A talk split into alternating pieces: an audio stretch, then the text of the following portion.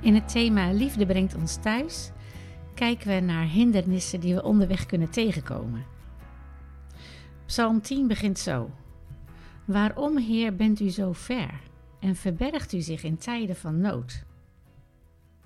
Het is moeilijk te verdragen dat we soms het gevoel hebben door God verlaten te zijn.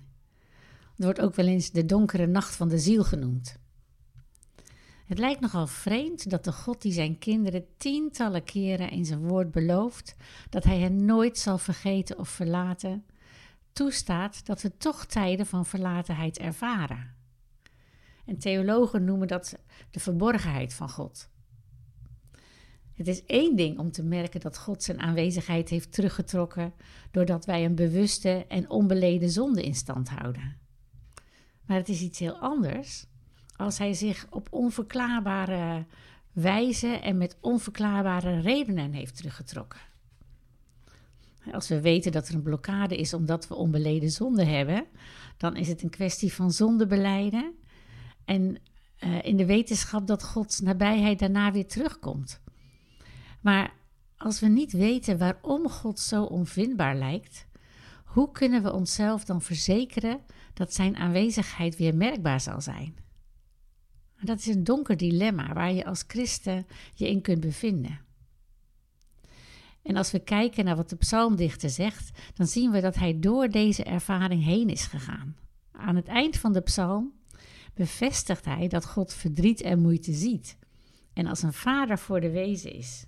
Vers 17. U, Heer, verhoort de wens van de nederigen. U bemoedigt hen en luistert met aandacht. U doet recht aan wezen en verdrukte. Het is, de psalmdichter is hier doorheen gegaan.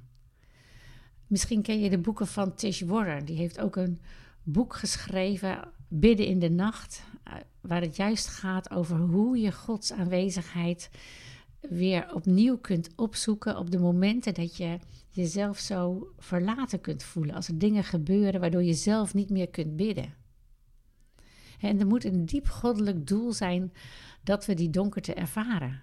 Is het misschien om te testen of we God vertrouwen? Of we leven door geloof en niet door het zien? Nou, als dat zo is, dan heeft de psalmendichter laten zien dat het zo werkt. En dat geldt ook voor ons. Gezegend ben je als je in het donker niet loslaat wat je in het licht hebt geleerd. En zo bidden wij, Vader, als ik geroepen ben om die donkere weg te gaan, help me om de test te doorstaan. Laat me nooit loslaten in het donker, wat ik heb ontdekt in het licht van uw aanwezigheid. En wij bidden, kom Heilige Geest, en verzeker ons opnieuw dat u er bent, dat uw woord waarheid is en dat we altijd op u mogen bouwen, ook vandaag. Amen.